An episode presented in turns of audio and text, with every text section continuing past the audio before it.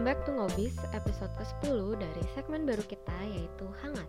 Bersama dan ambience hangat dan topik-topik hangat yang akan dibicarakan Balik lagi nih, kita akan ngebahas semua berita-berita hangat seputar lokal brand di Indonesia yang terjadi pekan lalu. Hai semua, nama gue Yulisa dan gue yang bakal ngebawain hangat untuk kalian semua yang lagi ingin mulai minggunya dalam beraktivitas. Bakal guna banget buat kalian yang ketinggalan berita, nyari ide konten, atau sekedar buat bahan ngobrol kalau ketemu orang nanti. Dengerin aja berita hangat dari teman startup untuk bisa up to date dengan berita kekinian yang ada. Memasuki minggu awal bulan Desember, berita hangat yang muncul dari pekan lalu dimulai dengan berita dari dunia logistik. Pada akhir tahun 2021, Ninja Express mendukung pelaku UKM dengan cara menghadirkan proyek kolaborasi dengan Saint Barclay dan banyak lainnya. Campaign tersebut membuktikan dengan menggelar gerakan kolaboratif yang menunjukkan lokalisme bersama dengan Urban Sneaker Society, Saint Barclay, dan Ridaka yang merupakan pengrajin kain tradisional. Nantinya, sepatu tersebut akan dirancang dengan kain tradisional yang terbuat dari bahan alami, seperti kain tenun dari eceng gondok dan juga serat nanas. Gak hanya itu, nantinya kampanye tersebut juga akan menggandeng sejumlah brand lainnya yang akan dikolaborasikan dengan kerajinan tradisional.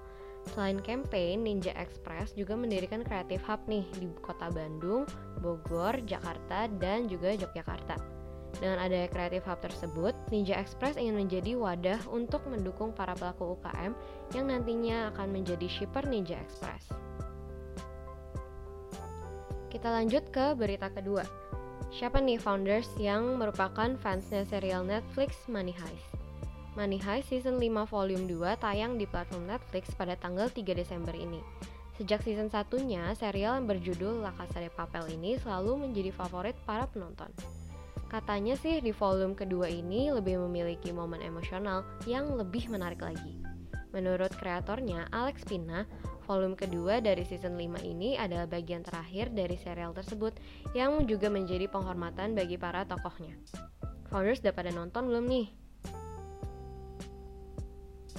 Berita ketiga di pekan lalu, Virgil Abloh yang merupakan desainer ternama meninggal dunia pada tanggal 28 November. Hal tersebut meninggalkan kesedihan besar di dunia fashion setelah Virgil Abloh berjuang melawan kanker yang selama ini ia derita. Louis Vuitton menghadirkan fashion show yang emosional dalam bentuk tribute untuk Virgil Abloh. Koleksi terakhirnya diumumkan sehari sebelum ia meninggal dunia dengan berjudul Virgil Was Here. Menurut Michael Burke, CEO dari Louis Vuitton, itu adalah permohonan Abloh untuk meneruskan acaranya walaupun ia telah tiada. Koleksi terakhirnya adalah karya Abloh dengan representasi beragam, dengan warna-warni kode waris dan streetwear khas dari desainer di couture Prancis. Kepergian sosok Abloh sangat berat bagi dunia fashion. Next, Casio merilis G-Shock edisi spesial Timnas Indonesia. Casio Indonesia hadirkan 35 buah jam tangan G-Shock yang dibuat khusus nih untuk tim nasional PSSI. Casio turut memeriahkan turnamen sepak bola AFF Suzuki Cup 2020 dan mendukung Indonesia di gelaran tersebut. Jam tangan menggunakan model GBD 100 dengan sentuhan khusus berupa gambar burung Garuda yang mencerminkan Indonesia dan juga melambangkan semangat juang dari timnas Indonesia. Gak hanya seperti jam tangan umumnya, jam yang dibuat untuk para pemain timnas ini hadir dengan sejumlah fitur untuk memonitor kegiatan olahraga penggunanya. Wah, limited edition banget ya jam tangannya. Tapi sayang nih, founders pada nggak bisa beli ya. Oke, untuk berita terakhir datang dari perusahaan e-commerce Bukalapak. Baru-baru ini, Bukalapak memperkenalkan fitur agen Bukasen yang memungkinkan para mitra agar dapat menjadi agen pengiriman barang untuk sejumlah jasa penyedia logistik. Menurut Presiden Commerce dan Fintech Bukalapak, Victor Lesmana, menyebutkan bahwa sejak diluncurkan di aplikasi, sudah terdapat lebih dari 12.000 orang nih yang menggunakan fitur ini di seluruh wilayah Indonesia. Agen Bukasen diharapkan dapat membantu para mitra Bukalapak mengembangkan bisnis sekaligus mendapatkan penghasilan tambahan.